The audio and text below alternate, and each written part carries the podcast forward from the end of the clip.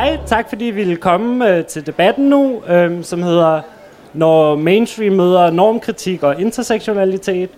Øhm, og det er en debat og en emne, vi rigtig gerne har ville tage op, fordi at det er to ord, som øh, oplever en rigtig øget øh, popularitet, og vi oplever en øh, stigende efterspørgsel om at komme ud i normstormerne, hvor jeg er koordinator, og som har arrangeret det her, øhm, om at komme ud og snakke om normkritik i alle mulige øh, mainstream-sammenhænge. Øhm, ja. Øhm, og vi har oplevet en del øh, udfordringer i det ved at blive inviteret ind på et ret sent tidspunkt, hvor at øh, det hele formatet ligesom er sat op, og så kommer man ud og lige spørger, om man vil drysse lidt normkritik ud over det. Øhm, og derfor føler vi, at vi gerne vil have en debat omkring øh, mødet mellem øh, normkritik og øhm, mainstream. Ja. Og normkritik, det betyder bare, at jeg siger lige kort, hvad det betyder, normkritik og intersektionalitet, og det vil I også øh, tale en masse mere om her i vores panel. Øhm, og normkritik, det er bare at øge fokus på normer, som undertrykker mindretalsgrupper eller usynliggør dem fuldstændig. Og intersektionalitet, det er at kigge på individer, der indgår i flere af de her grupper på samme tid. Hvordan påvirker det dem? Og så vil jeg, øh, så vil jeg lige sige, at øh, vi starter med, at debat, øh, vores debathold her lige øh, introducerer sig selv og deres organisation og snakker om normkritik, deres erfaringer og deres praksis med det. Så bagefter har vi cirka 20 minutter diskussion, og så de sidste 10 minutter er der spørgsmål fra publikum. Øhm, der kan man enten række hånden op og få en mikrofon ned, eller også ligger der noget papir og nogle kuglepen her, hvor man kan skrive et spørgsmål ned, hvis man har et, som lige går op, og så læser jeg dem op til sidst. Ja, og så vil jeg egentlig bare øh, give ordet videre til Laura Tams, og så tænker jeg, at vi bare kører den ned, og så kan I lige øh, sige, hvem I er. Øh, ja, og den er på, yes. Øh, jeg tror, jeg er blevet inviteret her, fordi at jeg driver online magasinet Killjoy.dk, hvis jeg må kalde det det, øh, som øh, beskæftiger sig rigtig meget med normkritik, og så, øh, ja, du har skrevet om, øh, om, hvad Killjoy er, så, så det kan være, at du vil forklare, hvad, hvad det egentlig er, Killjoy, hvorfor det hedder det. Men altså, øh, nogle af jer kender det måske, nogle af jer øh, kender det ikke. Det er øh, er strædet af en transkvinde, øh, og hovedsageligt øh, kan sige, dem, der laver ind, øh, der skriver indlæg på Killjoy.dk, øh, når det ikke bare er mig, er også øh, typisk øh, queer-personer, og øh, jeg har altid enormt kritisk øh, vinkel, så det er mig. Jeg arbejder selv altid med normkritik, håber jeg, så godt som muligt i alt mit arbejde. Og jeg hedder Anna Vandel Petersen, og i dag så er jeg her, fordi jeg arbejder i Normstormene, som er et undervisningstilbud, som eksisterer i København og Aarhus Kommune. Og det vi laver, det er sådan noget grundlæggende præventivt arbejde i forhold til diskrimination af LGBTQIA-personer. Øhm, og øh, det, som vi laver, overordnet laver i Normstormerne, det er at prøve at gøre op med sådan en meget generel model, der har været for at lave oplysningsarbejde på det her område, minoritetsområde generelt i folkeskoler, hvor man har sådan en model, hvor der kommer en person ud i en folkeskoleklasse, og så fortæller de deres private historie. Den person vil altid være en eller anden divergerende person. I vores tilfælde vil det være det kunne være en bøsse. Så kommer man ud, og så siger man, hej, jeg hedder Peter, jeg er bøsse, og så skal man fortælle alt muligt om, hvem man er, og så kan man få øh, det klasselokale, man er i, tolerance eller medlidenhed, eller hvad fanden det nu ellers handler om, hvis de kan lide en. Så, åh, Peter er sød, ham kan vi godt lide. Det prøver vi i normstormerne at gøre op med, fordi at, at øh, det laver sådan lidt klam magtfordeling, hvor at dem, der bliver diskrimineret, altid ender med at have ansvaret for at få andre til at kunne lide dem i alle givende, givende sammenhæng.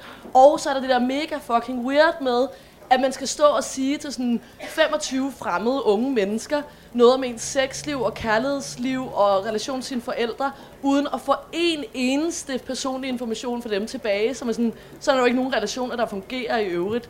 Øhm, så øh, når man gør det, så plejer man at sige sådan noget med, at det er vigtigt at springe ud af skabet, så bliver man stærk og modig og alt muligt. Det vi siger, det er, hvad fanden er det skabet er lavet af? Skabet har lavet normer, og det prøver vi at snakke med de der elever om. Det er et kæmpe projekt, det lykkes nærmest aldrig. Øh, hvad hedder det? Ja, så det laver jeg, og jeg underviser rigtig mange forskellige mennesker i normkritiske perspektiver på at snakke om magtfordeling og diskrimination og minoriteter og sådan noget. Og det synes jeg bare er voldsomt spændende. Og så er det jo særligt voldsomt spændende, fordi der er lige pludselig rigtig mange mennesker, der synes, at det arbejde, for eksempel Normstolen laver, og dem, der står i det her panel laver, er sindssygt fedt og vigtigt og sådan noget. Og så kan man få lov til at bruge begreber, som andre har fucking kæmpet og blødt og grædt og sådan noget, for eksempel normkritik, for, øh, til at tjene en masse penge, uden at give nogle af dem, der har lavet grundarbejde noget som helst for det. Så det er en af de ting, jeg synes er ret spændende ved det. Men det skal vi snakke alt muligt om. Nice at være her. Hej, jeg hedder Nico Misgaard Friborg, og jeg er her i dag som øh, en person, der er engageret i øh, rådgivning for transpersoner. Øh, egentlig arbejder jeg også med øh, både normkritik og intersektionalitet i alle mulige andre forer, aktivisme, øh, som underviser på Krop Højskole, øh, som øh, lektor på Københavns Universitet på Institut for Antropologi. Men de erfaringer, som jeg egentlig tænker er mest interessante at dele øh, i dag og diskutere med jer også, er, er dem, som jeg har fra rådgivning for transpersoner. Øh, og rådgivning for transpersoner er et øh, rådgivningstilbud for transpersoner, som startede som et pilotprojekt øh, i samarbejde mellem Københavns Kommune og AIDS-fondet, øh, i det der på det tidspunkt var et øh, community-baseret team i AIDS-fondet. Og rådgivningen for transpersoner arbejder ud fra et normkritisk øh, perspektiv, og det betyder, at øh, når vi møder øh, transpersoner i rådgivningen, så møder vi transpersoner med en forståelse af, at den diskrimination og stigmatisering og udfordringer, man møder som transperson, er på grund af de normer og samfundsstrukturer, man møder som transperson.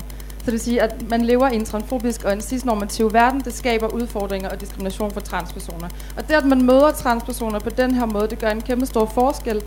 Det kan så godt være, at øh, de rådgivninger, man giver, peger hen imod, at at det for nogen kan være en overlevelsesstrategi at lære i nogle situationer at passe ind i normerne, men det er ikke det, der er udgangspunktet øh, for arbejdet. Udgangspunktet er en kritik af de normer og strukturer, som skaber udfordringer for transpersoner, og man kan sige, at det overordnede mål med vores arbejde er at øh, analysere, problematisere og udfordre og ændre på de her normer. Øh, og det gør vi blandt andet ved øh, også at lave politisk arbejde. Øh, vi har øh, deltaget i øh, hvad det hedder, høringsprocessen omkring øh, den nye øh, behandling, øh, køns- og kropsbekræftende behandling, øh, som Sundhedsstyrelsen er ved at arbejde på, og har af flere omgange kommet med en række anbefalinger til, hvordan man kan gøre den mere inkluderende øh, for alle de transpersoner, der har behov for behandling. Så har vi også øh, brugt rigtig meget tid og energi på at lave en meget omfattende evaluering af vores øh, rådgivningstilbud til Københavns Kommune, for på den måde at kunne pege på, hvad er det for nogle tiltag, der mangler for transpersoner i Danmark, øh, og specifikt i Københavns Kommune. Ja, jeg hedder Maja Wolfgang, og jeg er forperson for LGBT Plus Ungdom, som er en politisk rådgivning og social øh, forening, øh, bosat her i København, men vi har også en øh, afdeling i Aarhus. Øh, vi er egentlig en ungdomsafdeling af LGBT Danmark, men vi står selv for vores politikker og vedtægter osv. Øh, ja, altså vi arbejder jo også med normkritik, ligesom øh, alle andre øh, i panelet her, øh, og vi elsker det. Øh, det var egentlig Anna, der i sin tid øh, lærte mig en masse om normkritik og hvor fedt det var. Øh, vi har vores skoletjeneste, øh, som vi samarbejder sammen med normstormerne, og som egentlig kører øh, med samme princip, øh, at vi tager ud på folkeskoler og skoler og gymnasier og seminarer øh, i hele landet, når vi kan komme til det, og underviser i normer for køn og seksualitet, blandt andet. Øh, og det er vi super glade og stolte af. Øh, man kan sige, at en af vores store udfordringer med øh, netop at etablere normkritik i vores forening, øh, er som for mange andre, tror jeg også, har noget at gøre med frivillighed. Vi, er alle sammen, øh, vi arbejder alle sammen frivilligt, øh, og vi er en relativt stor forening, så vi har rigtig mange, der kommer øh, og går. Øh, og derfor kan det godt være svært, når vi alle sammen er vokset op øh, i et samfund med ekstremt undertrykkende øh, normer, øh, som vi selvfølgelig også er en del af. Øh, uden at være klar over det for nogen. Øh, så det er en af de udfordringer, vi ligesom dealer med. Øh, så derfor så tager vi også øh, imod folk øh, og prøver at sådan, skole dem i normkritik fra starten af, så det ligesom bliver det fælles værdigrundlag. Øh, så det arbejder vi rigtig meget for, og det prøver vi også ved at skabe et trygt rum, så der er plads til at, at lave call der er plads til at kritisere hinanden på en ordentlig måde. Øhm, så folk ligesom har lyst til at sige, hvis der er en, der kommer til at sige noget transfobisk eller racistisk eller så videre, at der ligesom er plads til at, at call hinanden out, og så tager vi en, en samtale om det. Og det kan være rigtig svært, for det kan være øh, hårdt for mange, øh, og ligesom at blive callet ud på noget, man siger. Øh, så et skridt ad gangen. Yes. Hej, øh, jeg hedder Andrea Storgård Brock, og jeg er afløser i dag for Mika øh, fra Fed Front som er aktivist i Fed Front. Det er jeg også. Øh, og Fed Front er en bevægelse, som øh, søger at dokumentere og bekæmpe tykhad og tykfobi i Danmark. Øh, og ja, det er sådan en relativt ung bevægelse, som blev startet her i februar, og som stadigvæk er i gang med sådan at finde sin plads, lære at tage plads og formulere et grundlag og sådan noget. Men øh, som udgangspunkt, så arbejder vi også hen imod øh, at kunne kalde os normkritiske. Øh, hvad hedder det? Ja, til hverdag arbejder jeg sådan lidt mere i en koordinatorrolle, men nu er jeg her så i dag og taler. Øh, hvad hedder det? Ja, og det, men som sagt, det er sådan rimelig nyt. Øh, det er en, en gruppe af mennesker, tykke mennesker er en gruppe, som ikke sådan historisk har særlig meget sådan organisering at trække på, og derfor så betyder det også, at der er en masse sådan grundarbejde, der skal ligges, før man laver alle mulige ting. Men, men normkritik er en af de sådan grundpiller, vi gerne vil have. Ja, tusind tak for det. Skal vi give dem en øh, lille hånd for jer? her?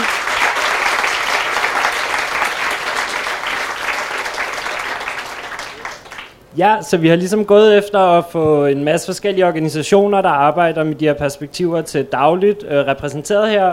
Øhm, og vi har også forsøgt at henvende os til repræsent, øh, hvad hedder det, organisationer, der desværre ikke kunne være her, øhm, som øh, nogen fra Sabar og nogen fra øh, Cutie BPOC Festivals arrangører og sådan noget. Så, øh, hvis der er nogen, der synes, det ser uniformt ud, skal I bare vide, at vi har henvendt os vidt og bredt. Øh, der var bare lige en sidekommentar. Øh, så vil vi rigtig gerne spørge ind her til panelet om, øh, om de her, øh, den her kontekst af et mainstream øh, øget interesse for normkritik i det hele taget, og hvad dermed hører. Øhm, om det er noget, I har nogle erfaringer med, om det er noget, I ligesom har gjort jer nogle overvejelser omkring, eller om på trods af det, om det ligesom er noget, I kan genkende, at der er en øget interesse, og det bliver mere populært i en mainstream-kontekst. Øhm, ja, skal vi starte med det? Måske, hvis der er, er, er nogen, der har overvejelser i den stil, så kan vi jo spore øh, den følgende diskussion lidt ind efter sådan nogle bud, hvis der er nogen, der har... Ja. Yes. Er den så? Ja. Øh, jamen, jeg synes, at tit bliver vi kontaktet af alle mulige forskellige slags mennesker og øh, organisationer. Øh, og i starten, da jeg startede med det her arbejde, så tænkte jeg bare fedt, hver gang der var nogen, der skrev, yes, der er nogen, der vil have os med til noget. Øh, og så tror jeg, jeg lærte rimelig hurtigt, at der er rigtig mange, der bare skriver og vil have os med til noget, for at vi er der for repræsentationens skyld øh, og egentlig ikke på vores kompetencer, men for at de kan skrive LGBT plus ungdom, øh, og så har de ligesom deres på det rene. Øh, og det synes jeg egentlig er et voksende problem. Øhm, og jeg tror, at en af løsningerne til det er, at vi simpelthen bliver nødt til at overveje, hvad vi siger ja til. Øh, og vi har faktisk diskuteret her for nyligt, om man skulle overveje, at vi skulle have en eller anden kontrakt på, at når, når der er nogen, der vil samarbejde med os, øh, at der ligesom kommer kontrakt på, og så siger vi, at vi vil kun være med i det her, hvis... Øh, hvis vi kan godkende det først. Øh, for eksempel hvis det er en film, man er med i, øh, som, som bliver problematisk. Øh, og så er der ligesom ikke nogen kontrakt på, så selvom vi medvirker, så kan de jo bare sende den ud, selvom vi ikke godkender den. Øh, og det er faktisk også noget, vi har oplevet for nylig. Øh, så det er i hvert fald en af de overvejelser, vi har gjort os, øh, og som jeg tænker er, er et stort problem. Øh, ja. Ja, så kan Laura knytte et ord. Ja, hvis jeg lige må øh, positionere mig selv lidt mere i forhold til det spørgsmål. Øh, jeg vil måske også se mig selv mere som person, der arbejder med mest med normkritik sådan internt i LGBT. Og jeg har været ude og lave masser af normkritik af øh, de store mainstream medier og prøvet at fortælle folk sådan, hey, altså det er lidt problem, når jeg går ud og laver film på den måde. Hollywood laver film om transpersoner på, og, og den måde interviewer os på osv. Men, men øh, ja, der, jeg oplever sgu ikke, der er sket sådan forfærdeligt meget lige på den front, men det er må, måske også, fordi jeg ikke har arbejdet øh, lige så meget med den. Øh, til gengæld, så er altså øh, Killjoy.dk, og, og egentlig mig selv igennem Killjoy.dk primært, har jo været ude både at kritisere Pride'en og Mix Copenhagen øh, for nyligt, altså hvor der, der vil sige, det, ikke, det skal ikke kun være til øh, uh, Killjoy.dk's credit, at, at Pride'en faktisk er kommet efter den kritik uh, i løbet af de sidste par år. Jeg ser, at uh, der er, altså, bare der vi står her, der er meget mere fokus i Pride'en på at have den her normkritik med. Og også Mix Copenhagen har jeg oplevet, har taget godt imod kritikken, eller altså i hvert fald store dele af, af gruppen. Uh, altså internt i, øh, i miljøet, så er det også det er meget nemt at stå her og så tænke sådan, det er jo bare os, det er bare sådan, vi har været hele tiden. Der er faktisk sket en dramatisk udvikling, øh, sådan at det ikke længere kun er queers, der gider det der normkritik. Det er faktisk lidt bredere nu, ude i hele øh, LGBT, og vi ja, altså, kan stå i sådan en så cappy normativ øh, øh, øh, ting som priden, og så tale om det her emne. Øh, der oplever jeg, at øh, vi kommer lige så stille ud. Det er også altså for, for mit vedkommende, det er det, jeg synes er vigtigt. Ikke, øh, ikke fordi det er uessentielt at tage den ud til skolerne øh, overhovedet. Altså det er også super vigtigt. Men det er, altså, der, er, der synes jeg, der, der er jeg sgu meget glad.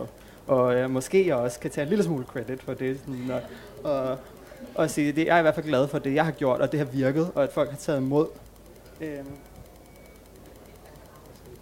Ja, hvad hedder det? Øhm, ja, jeg tror, jeg genkender meget det, I siger. Øh, jeg tænker, noget af det, vi, jeg har rigtig meget erfaring med, det er en sådan meget porøs og sporadisk interesse for normkritik. Et rigtig godt eksempel vil være, at der er nogen, der skal lave noget skolemateriale, og så kontakter de mig eller normstormen, og så siger de, hey, vi er i gang med at lave det her øh, projekt øh, i en eller anden i en eller anden skole, hvor de laver noget med film, og vi, fordi vi gerne gør det bedre at være homo her. Og så er allerede der, man sådan, åh oh, nej, og sådan, hvad skal der ske, og hvad handler det om? Og så vil de sige et eller andet med. Og så tænker vi bare, at det kunne være meget godt at have en enorm kritisk øvelse, vil de så sige. Og så vil jeg sige, Øh, jeg tror ikke, jeg forst- altså, der er ikke en, den sætning giver ikke i sig selv nogen mening, fordi det, man glipper i den pointe, det er, at enorm kritisk praksis vil være sådan kontinuerlig. Man vil ikke kunne lære sådan, så putter vi lidt normkritik på her, og så der tolererer vi herover, og så er vi lidt fobiske herover. At, at være normkritisk øh, og dedikere sit arbejde til, at det skal være mindre diskriminerende, end det er i udgangspunktet, er et kæmpe fucking stort stykke arbejde, og det glipper rigtig mange mennesker pointen i. Så det, der sker, det er, at vi bliver ringet op, og så laver vi måske to og en halv time gratis arbejde for en eller anden random organisation med her mange penge. Øh, og så ser man det færdige produkt, og så er det lort. Fordi de har ikke dedikeret sig eller forpligtet sig til at lave et reelt stykke arbejde, hvor man ser indad og tænker over, hvad kan vi egentlig gøre anderledes på vores arbejdsplads eller i vores undervisningsmateriale generelt, for at det bliver mindre diskriminerende. Vi laver bare sådan en, ligesom man gør med LGBT Ungdom, hvor det er sådan, nu har vi haft nogle queers ude og kigge på det, så det er sikkert fint. Øhm, jeg, jeg tænker, at den der sådan meget porøse, sporadiske interesse er virkelig en stor udfordring for normkritikken, fordi så har man lige pludselig alle mulige produkter, der kan kalde sig selv normkritiske, uden at reelt at være det. Og så udvander man, man øh, begrebet, som for mig at se er sådan, altså normkritik er et fuldstændig essentielt værktøj til at skabe reel øh, forandring politisk. Og, og derfor er, er konsekvensen af at udvande det som begreb ret stort for de mennesker, der bliver undertrykt eller sådan, ja. ja.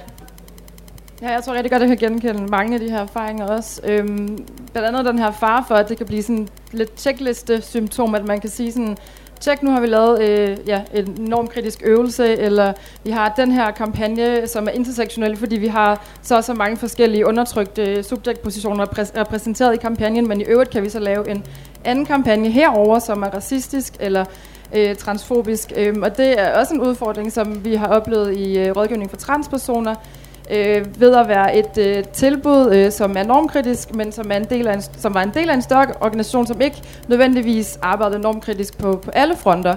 Øhm, og det synes jeg er en helt vildt spændende problematik at også diskutere det her med, hvordan skalerer man det sådan op. Øh, fordi som Anna siger, det er en vildt stor udfordring at arbejde normkritisk, selv hvis man er en lille bitte organisation. Hvordan implementerer man normkritik på alle de niveauer, hvor man arbejder, den måde man organiserer sig på, hvem tager beslutninger øh, i øh, organisationen, hvad er det for nogle indsatser, man tilbyder, hvem er det, der finder ud af, hvilke indsatser, der er, er vigtige og nødvendige, hvem får lov til at definere det. Øh, og det, det synes jeg er enormt spændende at diskutere, hvordan man kunne gøre det på, et større, på en større skala, og kan man overhovedet det, for det er i hvert fald noget, som jeg finder en rigtig stor udfordring i rådgivning for transpersoner, i hvert fald da vi øh, var en del af AIDS-fondet, øh, at vi nogle gange, øh, eller vi kunne kæmpe rigtig meget med at, at prøve at have et normkritisk øh, udgangspunkt for vores arbejde, men samtidig kunne øh, den, den større organisation som helhed måske gøre nogle ting, der modarbejdede lidt det, som vi prøvede at, at, at gøre i rådgivning for transpersoner. Ja, øhm, jeg har også lignende erfaringer, men, og det som Fedfront primært erfarer, eller det jeg har inden for Fedfront erfaringer, det er, at det er meget medierne, der kontakter os hele tiden.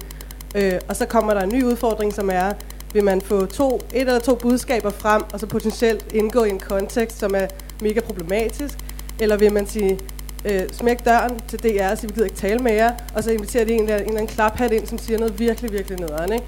Og så kan man sådan, altså, så, så det bliver sådan en strategisk ting, hvor man er nødt til nogle gange at indgå i de der, i de der kontekster på de der forskellige øh, mainstream platforme, hvis man vil have et eller andet frem.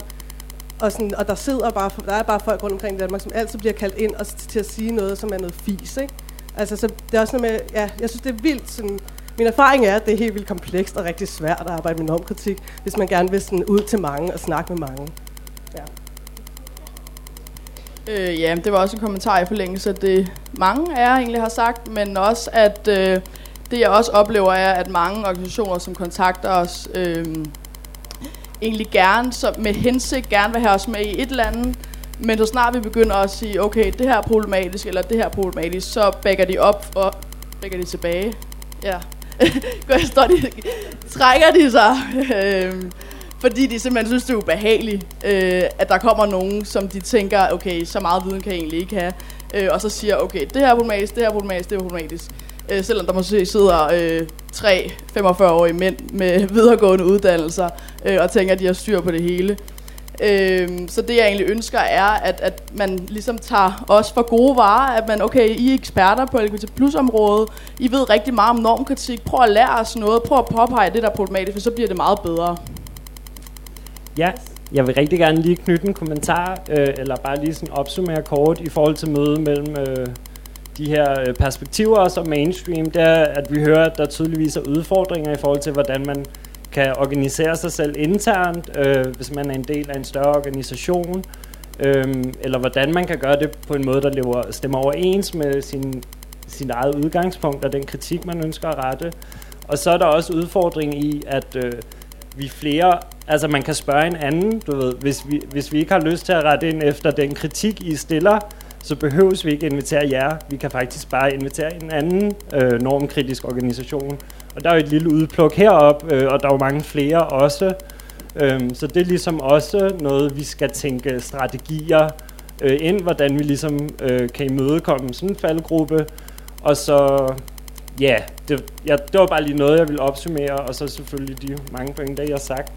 Øhm, men vi kan jo blive ved at snakke om problemer også, og sådan, men jeg ved ikke, om vi også, mens vi gør det, også måske, hvis der er nogen, der har nogle mulige løsningsforslag, eller skitser, eller... Må jeg gerne lige se et problem? Ja. ja. Hvad hedder det? Nå, men det var, fordi jeg lige tænkte på det nu, fordi jeg har skændtes med en eller anden moron på Facebook hele morgenen, fordi Lars Lykke har været ude og løbe med en masse LGBT'er inden for de sidste par dage, eller uger, jeg ved det ikke rigtigt. Øh, fordi at Lars Lykke ligesom gerne vil vise, at han er all about, og han taler kun, Ja, det kan jeg sige bagefter. Fordi han vil gerne vise, at han støtter Pride'en, ikke? Jeg, jeg synes, det, det, det er fucking et godt klassisk eksempel på det her, ikke? Nå, så det der sker, det er, øh, han bliver så interviewet til BT, og det Lars Lykke så får sagt, det er, at, øh, at han støtter selvfølgelig, han snakker kun om bøsser. Han, han forstår kun, at, at Pride er bøsser. Nå, men det er ligegyldigt. Så siger han, og det, var, jamen, det er så uambitiøst det hele, Nå, men så siger han, øh, jeg forstår, ja, altså det er fint nok, man er homo, men jeg forstår ikke, og jeg citerer, i mit hjerte, at to mænd kan tænde på hinanden. For det første, i dit hjerte. Jeg var sådan, slap dog af. Nå, men, men okay, men det der sker, det er, at Lars Løkke, han får faktisk lov til at være en statsminister, der fucking siger, at han har det så fint med bøsser, uden at arbejde ret meget på LGBTQ-personers øh, ligestilling generelt, men han tager en masse Instagram-billeder og lukrerer fucking meget på al den frivillige tid, der bliver lagt i at løbe en tur sammen med ham. Nå, det, og det, jeg synes, det er et kæmpe problem. Det er vildt ubehageligt at tænke at have sådan en homofobisk statsminister. Men det, der er lidt spændende ved det, det er, altså tænker på i går, hvis jeg var blevet inviteret, så havde jeg sagt ja. 100%. Både for historien, på grund af anerkendelsen, fordi det er spændende med det der magt, man får ud af at hænge ud med statsministeren og sådan noget. Og det er jo også det, der er, at alle os, der gerne vil arbejde enormt kritisk, kritisk vi er jo også mennesker, som bare rigtig gerne vil fucking have noget anerkendelse for det arbejde, vi laver. Og så lige pludselig er der nogle af de bad guys, som er sådan, prøv at høre, det lyder ret fedt lige den her uge. Vil du ikke med at løbe en, en eller anden sø? Og så er man sådan, jo Lars, og så ender man måske i virkeligheden med at lave mere lort end godt i det, man, men, men min pointe er sådan set ikke at udskamme dem, der gør det, for det forstår jeg fandme godt, og, hvis, og jeg var faktisk lidt ked af, at jeg ikke fik en men, men, Men min pointe er, at, at normkritisk praksis er også en indadvendt praksis, hvor man tænker over, hvorfor er det egentlig, jeg laver det her move, jeg gør nu? Hvorfor vil jeg gerne have vildt mange penge for det, jeg lavede lige nu? Hvorfor er det mig og ikke en anden, der skulle gøre det? Skulle jeg måske holde min kæft nu? Ja, det skulle jeg. Øh, hvad hedder det? Øh, så, ja, det vil sige det bare, det kan være virkelig svært, og man er jo også bare drevet af, at man er et menneske, som hele tiden er i et underskud af, fordi øh, det er jo ikke som om, vi kan lade som om, at der er alle, hele verden er bare sådan normkritik af the shit, det er jo en virkelig niche ting, eller sådan, så det vil vi jo også bare rigtig gerne. Ja, altså, men det er jo så et, en anden side af sagen også i forhold til, at det er jo meget fedt, at der kommer noget interesse for den her virkelig niche-agtige ting. Øhm, så nu taler vi om nogle udfordringer, der er i den kontekst, øhm, men det er jo sådan, det er jo en god ting, og det er en dårlig ting på, på samme tid. Øhm, det vil jeg egentlig rigtig gerne spørge også lidt ind til i panelet. Altså, hvad ser I af sådan fordele for normkritik og intersektionel perspektiv i, at der kommer en øget interesse for at inkorporere det i nogle større mainstream sammenhæng, og hvad ser I som ulemper ved det, hvis der er nogen, der har kommentarer. Ja, Andrea? Okay, jeg tænker, øh, det var fordele. Ja, jeg tænker, fordelen er, at man kan radikalisere en masse mennesker, hvis man kan nå ud til dem. Og det er det, vi gerne vil, ikke? Øh, ja. Og så ulemperne er, at man risikerer, at det bliver sådan pinkwashed helt vildt, og det bliver sådan nogle hashtag et eller andet body positivity, som jo er det, jeg arbejder med, ikke? Øhm, eller noget andet. Altså sådan, at det bliver sådan en, ja, noget, man bruger for lige sådan at, at få nogle likes og noget credit, eller noget kapital. Øhm, og så, altså det, er sådan, det er den største ulempe, og det er den, jeg tænker, man skal være virkelig opmærksom på. Altså hver gang man er ude og snakke med nogen, eller deltager i et eller andet, hvad, hvad er det, jeg altså, indgår i, og hvordan kan jeg sådan modarbejde det, men stadigvæk indgå i det, fordi ellers kommer jeg ikke ud til nogen, tænker jeg. Sorry. Bare sådan lidt i forlængelse, jeg tænker, øh, at øh, man kan jo godt komme ud og give nogle kritisk, kritiske perspektiver, som du siger, og potentielt være med til at radikalisere nogle mennesker, eller åbne øjnene for, for en kritik, som folk måske ikke havde set, men øh, være opmærksom på præcis, om bliver det brugt til, at nu kalder vi pludselig hele den her organisation for normkritisk, fordi der har været et oplæg på to timer, hvor man har fået nogle øh, fif til, hvordan man kan arbejde mere normkritisk, eller mere inkluderende, eller mere antistigmatiserende. Ja, jeg skal, nu siger jeg noget. Øhm, jeg vil gerne altså, bringe det her, øh, altså F-ordet op, ikke? Feminisme, det er jo sådan en ting, det har været, it's been around for a while, ikke? Øh, øh, og feminisme er ligesom bare, det er blevet så fucking populært, ikke? Så nu er det sådan, vi ved ikke, hvad det betyder længere. Du kan også være sådan en person, der siger sådan, om livmorfeminisme, øh, sådan, øh, det vigtige, det er sådan kvindens essentielle sådan, moderskabsevner, altså det er feminisme, ikke? Det, altså, det var det omvendte af, hvad feminisme var i starten, men øh, på et eller andet tidspunkt, så bliver noget så populært, at det kan blive til hvad som helst, så bliver det som regel til lige præcis det, som det har prøvet at bekæmpe. Øh, og det er ligesom bare, jeg tror, man bliver nødt til at bare, øh, altså det er lidt fatalistisk, det jeg lige kommer til at sige her, men det, det må man bare finde sig i, det sker med ord. Øh, ord har ligesom sådan en livscyklus, at i starten så er der ikke nogen, der ved, hvad det betyder, og så kan man ligesom selv sådan styre lidt, og så lige pludselig så bliver det bare populært, og så, okay, it's gone. Vi må finde på et nyt ord. Altså bare sådan forberede, at vi bliver nødt til at, vi kan godt beholde ideen om normkritik, og så måske skal det hedde noget andet om 10 år, ikke? Øh, bare lige sådan forberede os på det. Øh, og altså, der findes jo også de der, der findes jo stadig de gode feminister, der findes stadigvæk dem, som sidder og faktisk sådan, tænker lidt over tingene og skriver nogle øh, afhandlinger osv., øh, øh, sidder i snakkeklubber, og sådan, jeg, håber, jeg vil også selv kalde mig feminist, jeg håber, det er, at jeg er en af de gode, øh, gode ikke? øh, men sådan normkritik, ikke? Altså, det, er det er ret vildt, vi er ude i her. Nu bliver normkritik så populært, at vi er ved at skabe en norm om, at man skal lave normkritik. Øh, altså sådan, okay... Øh, sådan, øh, og, og, og, og det kan vel også blive undertrykkende på en måde, hvis det bliver taget helt øh, forkert. Hvis, hvis, sådan, hvis folk begynder at synes, det er så fedt et ord, det her normkritik, at de går ud og bruger det, og følger en eller anden rigid, øh, nærmest sådan kultreligiøs norm om, at man skal lave normkritik om alting, men det bliver sådan, vi ved ikke, hvad normkritik egentlig er. Vi ved ikke helt, hvordan vi gør det, så vi er lidt bange for at gøre det forkert, så sådan, vi går bare tilbage til det, vi plejede at gøre før, og så har vi det samme igen. Ikke? Det, det forestiller mig lidt, det kommer nok, det kommer nok på et tidspunkt. Øh, og, og, og det er ligesom bare sådan, lige nu er vi måske et sted, hvor sådan, nu er det ved at blive der, hvor vi sådan, nu kan vi rigtig komme ud og radikal, øh, radikalisere rigtig mange, og så er det bare vigtigt, at vi lærer folk det, der er ligesom ideen bag ordet, i stedet for bare at lære dem ordet. Så meget som muligt vi kan lige nu, og på et eller andet tidspunkt, så lukker den mulighed, så vi er nødt til at finde på et andet ord, sådan abandon ship, øh, og så starter helt forfra. Øh, det er det, jeg tror, at altså, bare prøve at analysere, hvor står vi lige nu, og hvad er vores muligheder lige nu, rent strategisk. Jeg tænker øh, lige hurtigt, en anden øh, fordel, der kan være ved det, det er, at jeg synes faktisk, det der du siger med, at man tit så kommer man ud i et eller andet kontor, og så er der ikke nogen anerkendelse af, man sidder der som en, der har en viden. Altså, jeg sidder ikke og snakker med nogen om deres pædagogiske planer, fordi at jeg har erfaringer som queer-krop. Jeg sidder og snakker med folk om deres pædagogiske planer, fordi jeg har rigtig meget erfaring med at arbejde normkritisk med pædagogik. Og den, aner, den erkendelse synes jeg er meget sjældent, der er. Men det oplever jeg faktisk i nogle meget specifikke kontekst sker mere og mere. Så det at anerkende, at det her felt er et vidensfelt, og der er nogle mennesker, der har viden, som de er kvalificeret til at have, ikke fordi de er queer-krop alene, men fordi de også har nogle kompetencer og noget erfaring, der gør, at de er rustet til at lave lige præcis det stykke arbejde, hvor det ellers bliver det der med sådan, god aften Danmark, bare sådan, shit, vi skal snakke med en bøsse, og så ringer man til Jim Lyngvild, ikke? øhm, og han ved bare ikke ret meget, og det er problemet. Han er ikke særlig dygtig til at snakke om det, han snakker om. Øhm, ja, og så det andet, jeg er så enig med det der med, at det virkelig øh, gøj, sådan, så var det sådan, okay, men så var det, det så var det øh, så var det normen, at man lavede normkritik, og så glemte man, at normkritik i virkeligheden handler om at kritisere magtfordeling, ikke? og hvem der havde magt på hvilke præmisser, og på hvilke menneskers bekostning og sådan noget. Og ja, det forsvinder lige om lidt. Jeg er meget enig. Så.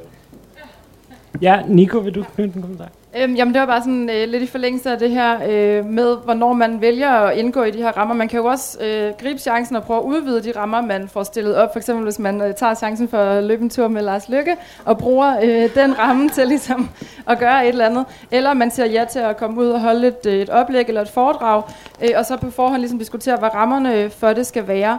Øh, det tænker jeg, det er, jo, det er jo også vejen frem. Og det samme, hvis man udtaler sig i pressen, det i hvert fald også har været en udfordring i rådgivning for transpersoner, og som du også lidt var inde på, Laura, det her med, øh, der er rigtig mange, der gerne vil høre, og også i Normstorm, man hører den personlige historie, Øh, og det taler jo meget ind i sådan et toleranceperspektiv, som ikke øh, stemmer særlig godt overens med et norms, øh, normkritisk perspektiv, og det kan man jo også så insistere på at sige, øh, ja, vi vil rigtig gerne interviewe til den her artikel, eller vi vil gerne udtale os om det her, men vi vil ikke tale ind i den her øh, personlige fortælling, vi vil gerne have lov til at tale om det på et strukturelt øh, plan i stedet for.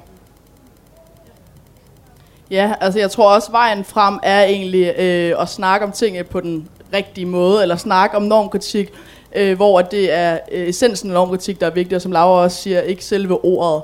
Øh, så det ikke ender ud i, at H&M sælger t-shirts, hvor der står normkritik, ligesom de sælger t-shirts, hvor der står feminisme i øjeblikket.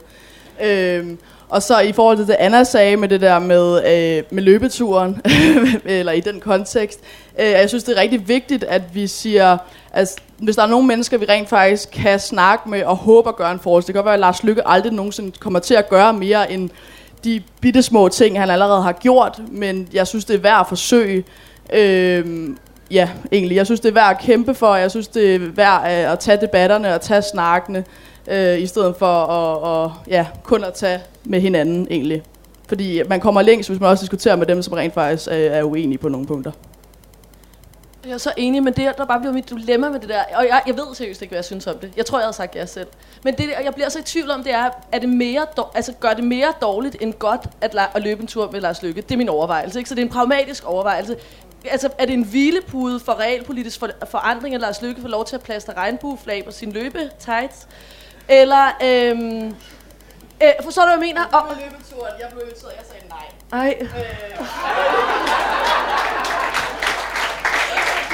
ikke, mere, det er ikke løbeturen, men mere for eksempel, altså, ja, hvis nu Lars Lykke inviterer til møde, eller sådan nogle ting. Ja, helt sikkert, at der kan være fuck. Nå, okay, enig. Men så er vi enige. Godt.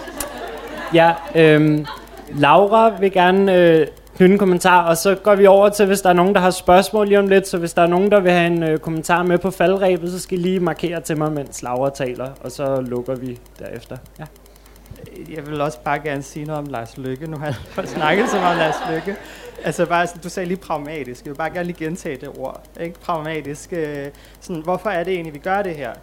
Øh, og det, altså det er det, jeg ser af frygten for det her med, hvis, hvis, der, hvis vi skaber så mange, hvis vi begynder at skabe normer omkring det, at vi laver normkritik, og så bare følger dem blind, så kan vi jo godt rende, rende ud i sådan et, et, et sted, hvor der er sådan, altså berufsverbot, hvor du må ikke associere med de forkerte mennesker, eller så dårlig queer, eller, eller så dårlig normkritiker, ikke? Og sådan, at, øh, altså det er jo også en, en, øh, en, en mærkelig sådan ting at navigere i som person, der har arbejdet, nu har jeg arbejdet rigtig meget med øh, sådan transpersoners rettigheder, øh, altså til sundhed, og været inde på, øh, Christ, det er den vej Christiansborg, og, og tale med altså, sundhedsordføreren for Liberal Alliance. Ikke? Altså, jeg har altid stemt enhedslisten, så hvad fanden laver jeg der?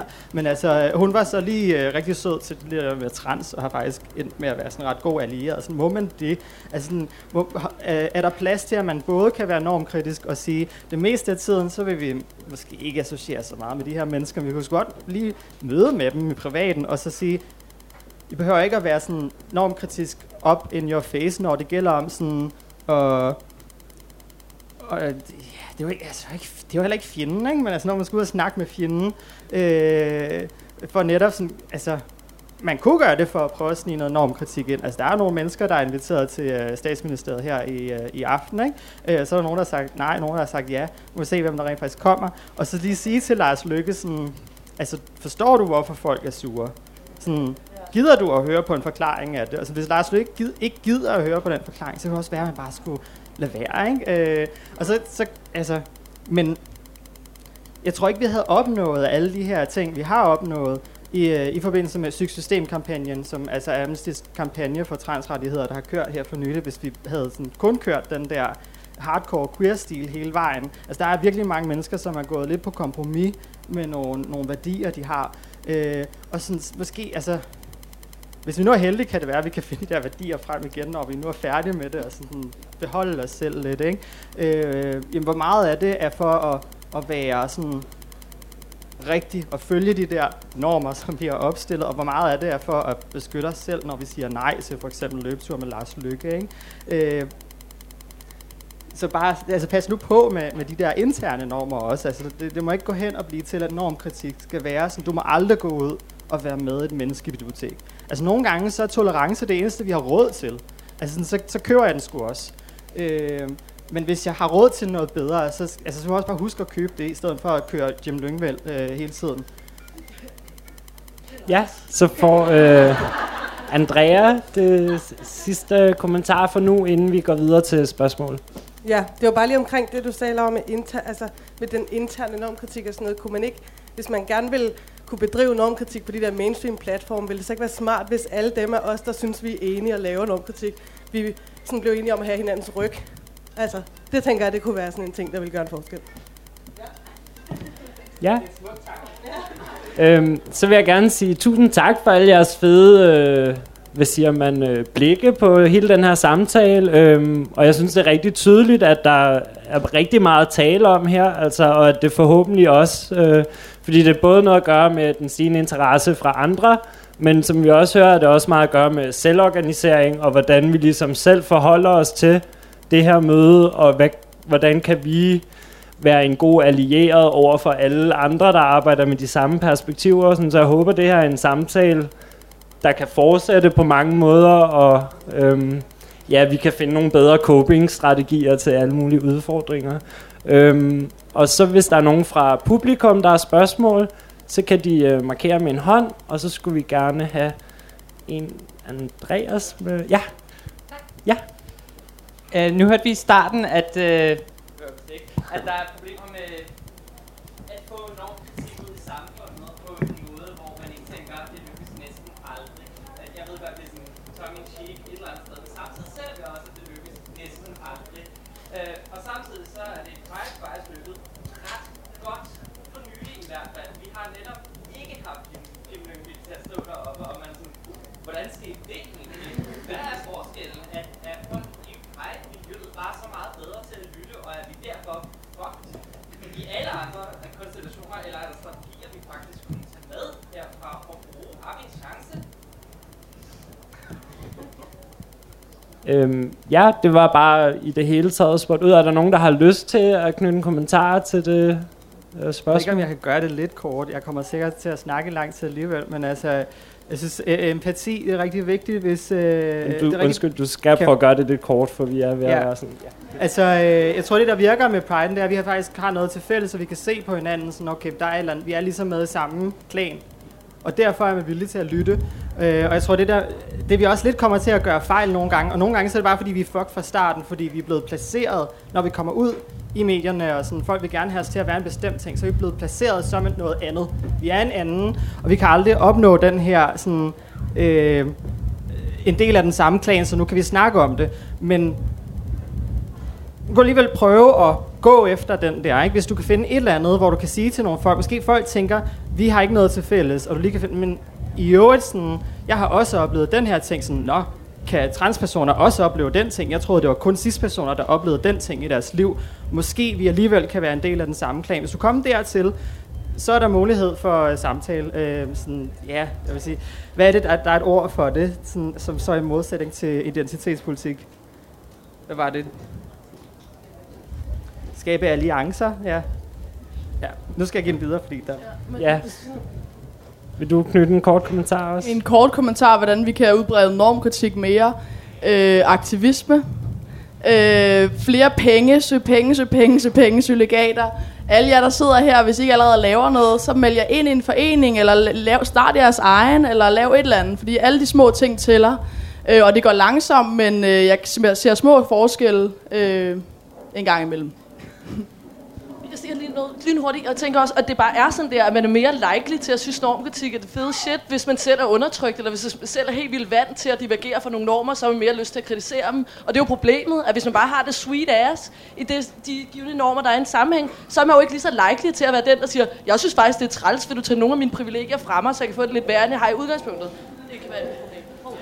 Ja, øhm, vi kan begynde at svare på et sidste spørgsmål, og så må du lige afbryde os, når, når det er.